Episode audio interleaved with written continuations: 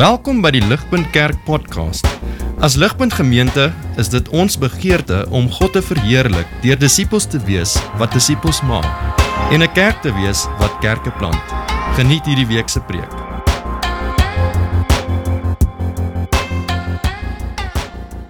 Well, this morning we're going to have a look at Matthew chapter 28, uh, verse 1. Well, we're really going to look at verse 16 to 20 in particular, but the passage has been read to us, and it really will be a great, great help to me if you can have your Bibles open. You may have your cell phone, you may have a Bible, you may have an iPad, but it really is going to help me a great deal if you can have your Bibles open because that's my job.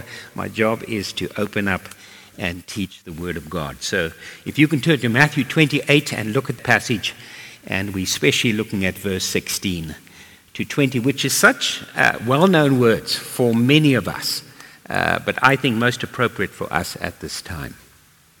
So, what we have here is uh, what I may call the, the gospel according to Matthew, the tax collector. So, it's almost the gospel according to SARS. Um, not quite sure that's how you have thought about Mike Matthew's gospel, but you remember Matthew uh, was a tax collector.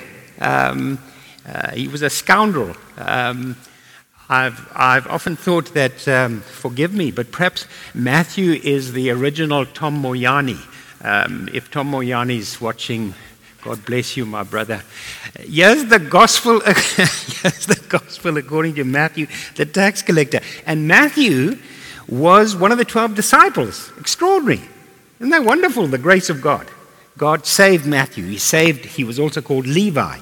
And so, what we have here in Matthew's gospel is we have a source document of the Christian faith. It's, it's an eyewitness report. And that's what we have in the gospel. So, if you're new to the Christian faith, if you're new to Ligpunt this morning, thank you so much for being here. Thank you so much for listening to me. If you want to examine the Christian faith, look at the source documents, the eyewitness reports, which we have here in Matthew, Mark, Luke, John. They were eyewitnesses. And so here, here are the source documents. Matthew was right in the front row, as it were, listening, hearing, uh, recording what Jesus said, what Jesus did. Matthew 28, as most of you will know, um, is the end of the Jesus story or narrative or history. And in chapter 28, just quickly cast your eye over the chapter, verse 1 to 7, you have the resurrection of Christ. Verse 8 to 15, you have the response to the resurrection. And there's joy, there's worship, but there's also doubt and fear, which is what happens when we talk about Jesus. Some people are fearful, some people doubt, some people are skeptical, and some people worship. So there's nothing new under the sun. And then our passage this morning, verse 16 to 20, we have the implications of the resurrection, which is what we're going to have a look at this morning. We can divide verse 16 to 20 into three main principles uh, the great claim, the great commission, and the great comfort. So we're going to dig into that, but let me just first go down two side roads. Side road number one is if you are new to this church, again, welcome.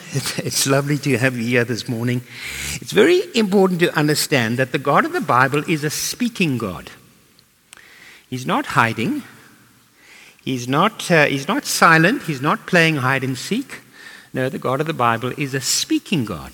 And he has spoken. He's spoken in creation, he's spoken in our consciences, he's spoken in his Son, and he's spoken in his Word. Now, that is not unreasonable. That's not irrational. If we, the creatures, can speak and communicate and share the most intimate things, if we can write, well, surely the God, the creator of the universe, can also communicate and speak. And so, what we have here is God's word written. God is not a silent God, He's a speaking God. He's spoken in different ways, primarily in His Son and in His Word. And that's what we're looking at. We're looking at God's Word written. Second side road, what we have here in Matthew chapter 28 is a miracle. It is supernatural. We have the supernatural here in chapter 28. It's quite obvious, it's quite self evident. We have the physical resurrection of Christ. Verse 6 He is not here, He has risen. just as he said. We have an earthquake, we have an angel, uh, we have the woman. Notice verse 9. They clasp his feet, his physical, objective uh, feet. He is risen. Now, you may know that there are some people, even within the wider Christian church, who will say that the resurrection of Christ is a metaphor, it's an allegory. It doesn't actually happen. No, what happened was that there was a resurrection in the minds of the disciples. They finally came to understand who Jesus is. You've heard that kind of thing, and perhaps you hold to that. But that is not what the text says. The text is quite clear. He is risen physically, objectively, historically, bodily. It's a miracle and it's supernatural. So what we have here is the supernatural. Let's not, let's not try and, and um, discard the supernatural to make the gospel more acceptable. No, the gospel is supernatural. God is supernatural. It's quite obvious here. In fact, Paul tells us in 1 Corinthians 15, he says, If Christ was not raised from the dead, your faith is futile. You're wasting your time. It's a hoax. You might as well go home and read the Sunday papers. That'll cheer you up. Um, Paul carries on 1 Corinthians 15 and he says, Not only has Christ been raised from the dead, but those who trust in Christ will also be physically raised from the dead. That's a miracle. That's supernatural. That is the nature of the Christian faith. We have a God, we have a personal God, we have a speaking God, we have a supernatural God. Now, there may be someone here this, this morning online, and you say to yourself, Martin, dead people don't rise from the dead. It doesn't happen. I'm a 21st century woman, 21st century man, and uh, dead people don't rise. I'm into facts, I'm into science. Let me just say to you that if you have a problem with miracles, your problem actually isn't with miracles. Your problem is with your doctrine of God. If you have a small doctrine of God, well, it's going to be tricky to pull off the virgin birth or feeding the 5,000 or the ascension or the resurrection. But if you have the God of the Bible, of the universe, well, surely he can suspend the laws of nature. He made the laws of nature. Surely he can suspend the laws of nature for his own purposes. Surely he can do that. That is not irrational. That's not unscientific. The one who made the laws of nature can obviously suspend the laws of nature for his own purposes, which is precisely what he did with the coming of his son to rescue us and to save us. So you say, well, I'm not so, quite so sure I can, I can believe in life after death, I can believe in the supernatural. Well, let me just let me just say that all of us have already lived in two spheres of existence. Think about that. We all lived in a womb. The womb was restricted, it was dark, it was closed. In the womb, you and I drank, ate, lived, breathed liquid. if, you, if you were to do that now, you'd be dead in 10 minutes. We lived, we eat, ate, we breathed liquid. So there's life in the womb and life after the womb. Do you not think it's possible that we could live in a third sphere, which is life after death, with a resurrected body. So be careful if you discard the supernatural. We've already lived in two spheres. Is it not possible that there could be a third? All right, let's dig into our text. You were thinking, when will we finally get to the text? Here we go. Let's have a look at the great claim.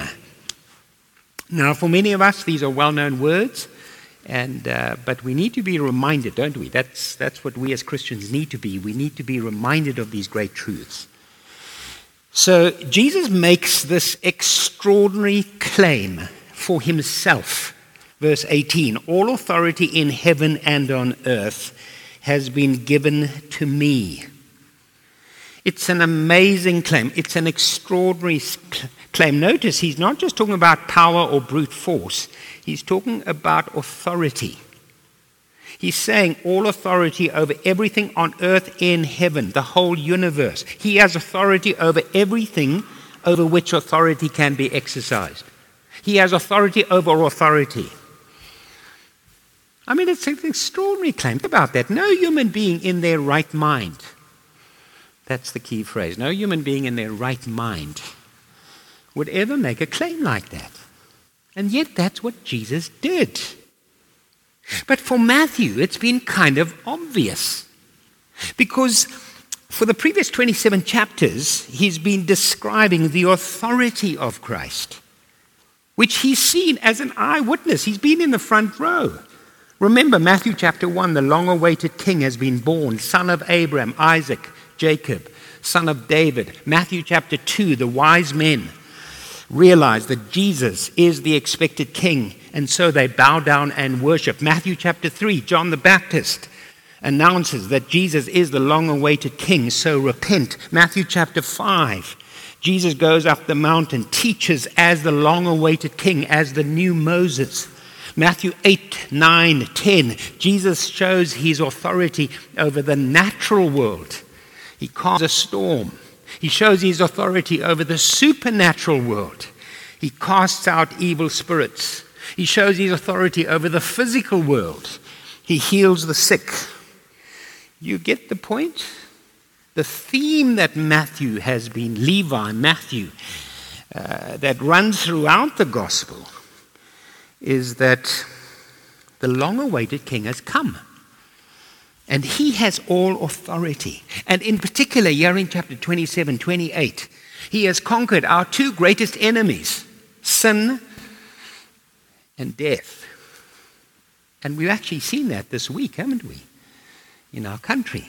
Christ has conquered sin and death. So on the cross, he died in our place. He quenched the wrath of God.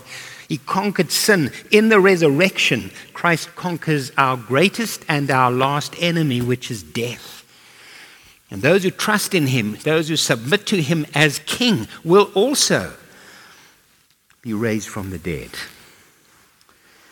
So the meaning of the resurrection affirms the authority of Christ over everything over life, over death, over the past, over the present, over the fu- future. His authority is unlimited, it is unrestricted, it is unending, it is universal, it is in every, every place, it is over all people, it is at all times for all eternity. What an extraordinary claim! What an extraordinary claim. He has all authority. Now, let me try and apply that in a couple of areas. If Jesus has all authority, it means that everyone, without exception, must bow the knee to Christ, either in this life or the next, either willingly or unwillingly. Be it Buddha, be it Muhammad, be it Confucius, be it Nietzsche, be it Richard Dawkins, be it P.W. Botha, be it Jacob Zuma, everyone, you, me, will bow the knee, willingly or unwillingly, in this life or the next. It means there's not a single square inch on planet Earth where Christ is not Lord and king. Matthew is not into multi faith services where every religion finds its own way to God. Not on your life. Matthew was there. This is unbelievable. This is the king, the king of kings. And you better bow the knee. There's no creed, there's no belief, there's no religion where Jesus is not Lord. He is King. Let me, let me apply it a little bit more personally. I think one of our problems is that we listen to ourselves more than we talk to ourselves. Now, you'll know what I'm talking about. You know that ongoing dialogue in your head. From the moment you wake up to the moment you go to bed, there's an ongoing dialogue. Uh, some of us verbalize it uh, but there's this ongoing dialogue. And sometimes we listen to ourselves more than talk to ourselves. So it may be, let's take one example, it may be in the area of anger or bitterness or resentment or hatred. You've been hurt. You've been abused. We've all faced injustice. And so your mind is captivated by these thoughts of anger, of resentment, of bitterness, of hatred. Do you know that hatred and, hatred and anger can become an idol? You live for that bitterness. It's the last thing you think about at night, it's the first thing you think about in the morning. And Jesus says, All authority in heaven and earth has been given to me. I will see that all the wrongs are righted. I will see that justice is done. You are not to take vengeance or revenge in thought, word, or deed, for vengeance is mine, says the Lord. We can put aside those thoughts and remember, speak to ourselves Christ is Lord. Christ will see that all justice is done. Christ will see that all the books are opened, that all the wrongs are righted. Perhaps another area where we listen to ourselves rather than speak to ourselves is when we look back over the last year, the last few years, we see, we, we remember, and Satan reminds us of our sins, our failures. There's not a single person on this Zoom meeting who hasn't done many things that we are ashamed of. And Satan reminds you of that your sins, your failures. Perhaps you've broken your promises, your vows that have caused great pain and suffering. Perhaps you committed adultery. Perhaps you had an abortion. Perhaps you caused someone to have an abortion. Perhaps your actions and words have caused great damage with your parents, your children, your siblings, those you love, other Christians. And Satan whispers in your ear. And you call yourself a Christian, having done that? Do you think God can use you again? You are used goods. You are soiled goods. God can't use you. And He loads you with guilt and shame. Stop listening to Satan. Stop listening to yourself. Christ has said, That's why I came, precisely for that sin. Precisely for that sin. That's why I came. And therefore, in Christ, there is no condemnation. No condemnation. You get that? No condemnation. Because the condemnation went on to Christ. He was condemned for your sin and my sin. Perhaps after this past week, this past year, we have all kinds of fears and doubts, anxieties. So we all do. So if you don't, you abnormal. You better go and see your doctor. You better go and have a checkup. We all have fears, anxieties. Perhaps there's terror this past week, this past year. We've had COVID, we've had lockdown, we've had isolation, we've had deaths, we've had grief, um, the economic uh, worries and pressures. Christ is Lord. Talk to yourself, lecture yourself, speak to yourself, stop listening to yourself. He is Lord over your financial fears and struggles. He is Lord over whether you get married or not. He is Lord whether you have children or not. He is Lord over the medical results you may still be waiting, which you may get tomorrow. He is Lord over the concerns you have for your children, your grandchildren. He's Lord. He has all authority. There's a wonderful verse in Psalm 139, verse 16, which says, All the days ordained for you were written in my book before the first began. It's a wonderful verse. It says to me, Martin the sinner, it says God knew the date, the time of your birth, and he knows the date of your death. All the days ordained for you were written in my book before the first began. He knows the date of my death. So I may die of COVID, I may die of a bullet, I may die of, of a heart attack, but that will be the secondary cause. The primary cause is God says those people at Christchurch Midrand need a break. It's time for you to come home. And when I, let, let's say I die, I drive home and I die in a car crash, I'm not going to appear at, at the gates of heaven. And God's not going to say, My goodness me, Martin, what are you doing here? We weren't expecting you. The bathrooms aren't ready. We haven't got enough food. The, the, the place is a tip. God's not going to say that. No, it was God's day. There are secondary causes and there's a primary cause. Christ is Lord. You and I don't need to fear death. I don't look forward to the process of dying, but we don't need to fear death because it's God's day. And I can rest in that. Secondly, first point, my first point, let me tell you, is by far the longest. A preacher must always give his people hope. So, uh, my first point is by far the longest. The great claim. Secondly, the Great Commission. So let's quickly unpack this. There are three imperatives, there are three commands. Let's unpack it and then apply it to ourselves. Verse 19, the first imperative, the first command go, go therefore and make disciples of all nations. Now, it's important to understand that this command was initially, primarily, first of all, given to the disciples. But it's not only for the disciples. Obviously, we see that in the rest of the New Testament, the rest of the book of Acts. Um, that command is for all believers, all Christians, all disciples. It's not just for pastors and missionaries.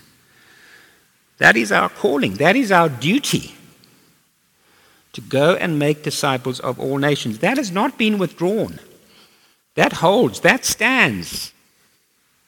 Now, there are many ways in which we can do that.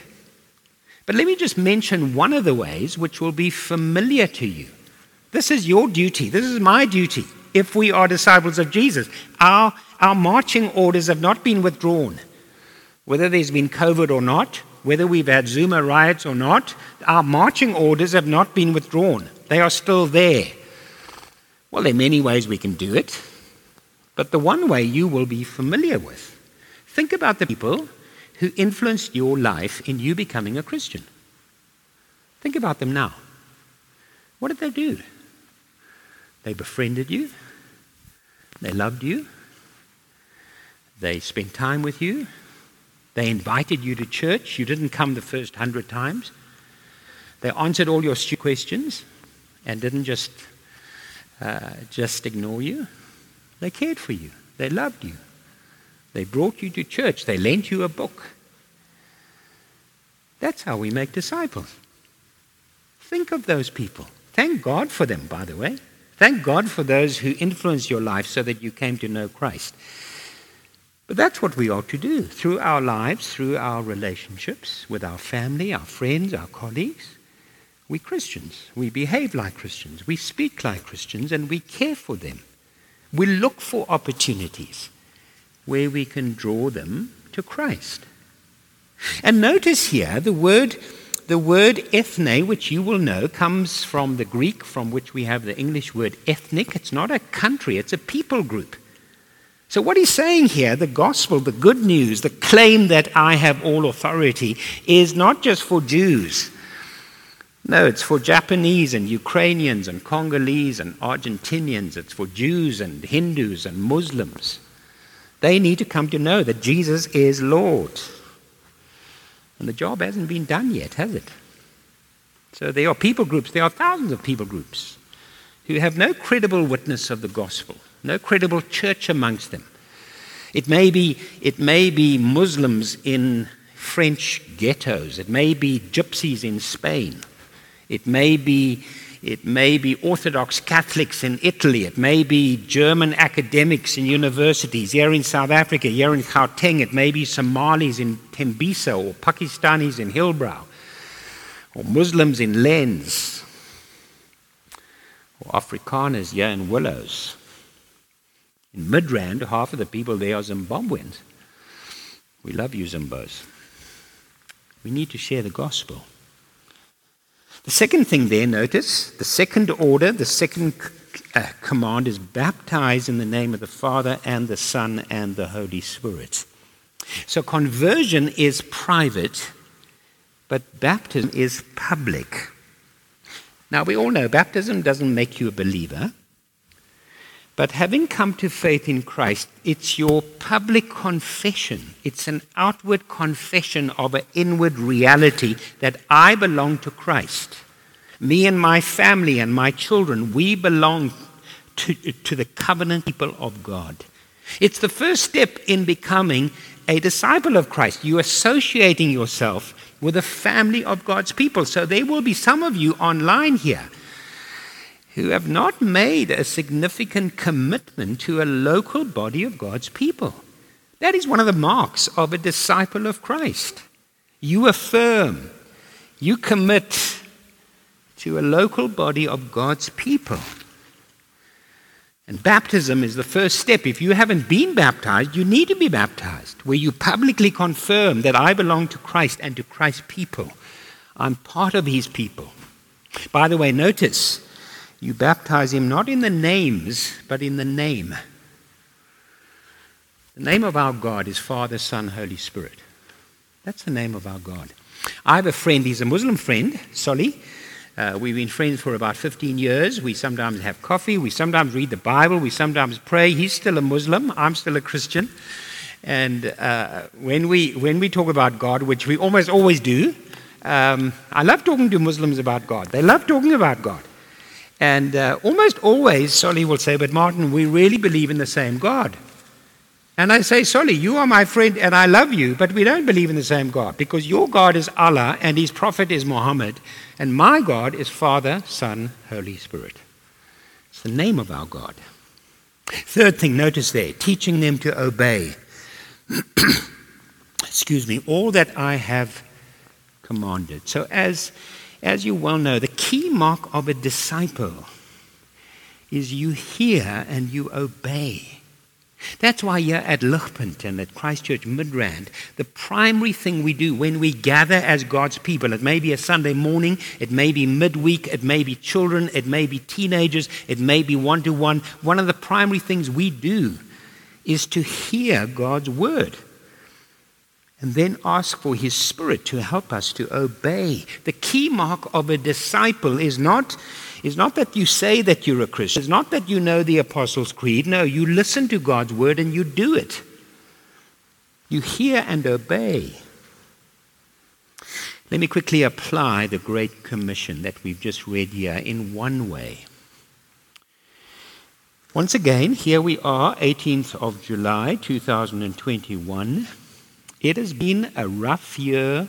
It has been a rough, rough two years for us individually, for our families, for our church, for our country. It has been rough. We've had COVID, we've had lockdown, we've had deaths, we've had the Zuma riots, we have enormous anxiety and tension. Our tendency as human beings is to hunker down to lock the doors, to close our eyes. Let's just keep safe inside here. That is our normal, natural human tendency.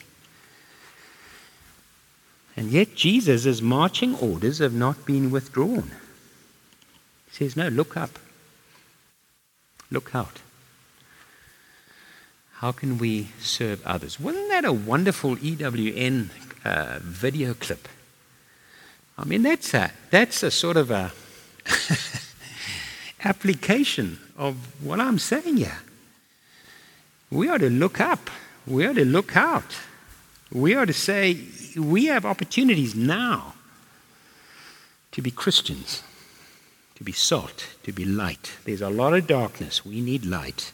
There's a lot of decay. We need salt. In your family, in your church, in your community at your workplace. Now's the time, not for us to hunker down and lock the doors. No, now's the time for us to look up. How do we serve? And ironically, quite ironically, The way to deal with your stress, your tension, your struggles is not by looking inwards, it's by looking outwards. You know, all the self help books tell you look inside yourself, the power is within yourself. Absolute rubbish. When I look inside myself, it is depressing, it is dark. That is not where the answer is. The answer is not looking inside yourself. No, the, look, the answer is look outside yourself. And as we, as we reach out to others, in love, in care, in, in a phone call, in, in a meal, in, in a hand across the shoulders. No, we probably can't do that. Um, as we reach out, strangely and ironically, it's sort of counterintuitive. As you reach out, God brings wholeness to your own heart, to your own soul. Lastly, will you notice the great claim, the great commission, and the great comfort? Verse 20.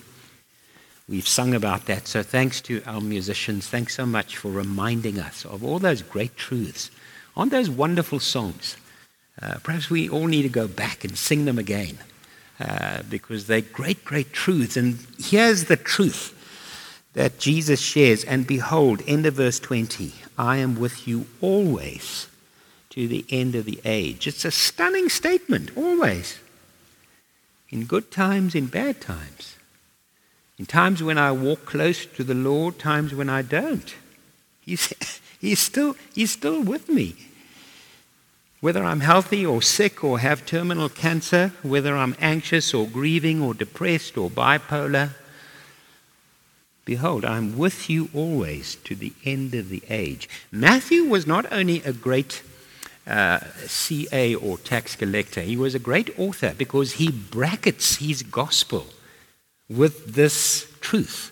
So in chapter 1, verse 23, the angel says to Joseph, the angel says to Joseph, and they shall call his name Emmanuel, which means God with us. And then the last verse of his gospel, he says, And behold, I am with you always Who's speaking? Emmanuel.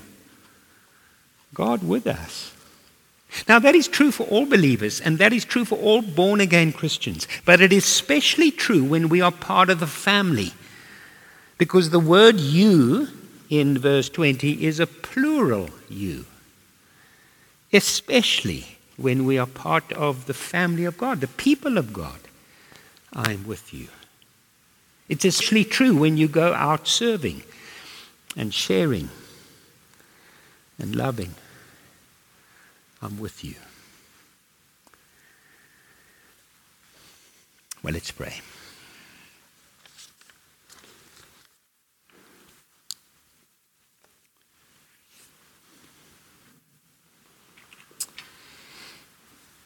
As we come bowing before the King, there may be someone here this morning who has never submitted to Christ as King.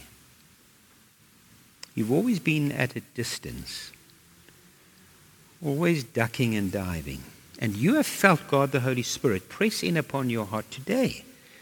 As we've been singing, as we've been praying, as we've been listening to God's word, you have felt God the Holy Spirit press in upon your heart. Wouldn't today be a wonderful day to submit to Christ as King, your King? My King. Here's a prayer that you may want to pray just quietly in the back of your head. It's between you and God. You may not be ready to pray this prayer, but perhaps you know you need to get right with God. Here's a prayer. You just say these words quietly in the back of your head Lord Jesus, I don't understand it all, but I know that I need you. I know that Christ died on the cross for me. Will you rescue me? Will you make me a Christian? And will you help me to live under your leadership? And Father, we thank you that when we call to you in our brokenness, in our pain, and call on you for mercy that you hear and you answer. So, will you work amongst us today and draw us to yourself? And, Father, for all of us, forgive us when we have despaired. Forgive us when we have not trusted you as we ought. Will you help us to bow before King Jesus, who has all authority? Will you give us that peace that passes all understanding? Because we are right with God. And we pray this for Christ's sake. Amen.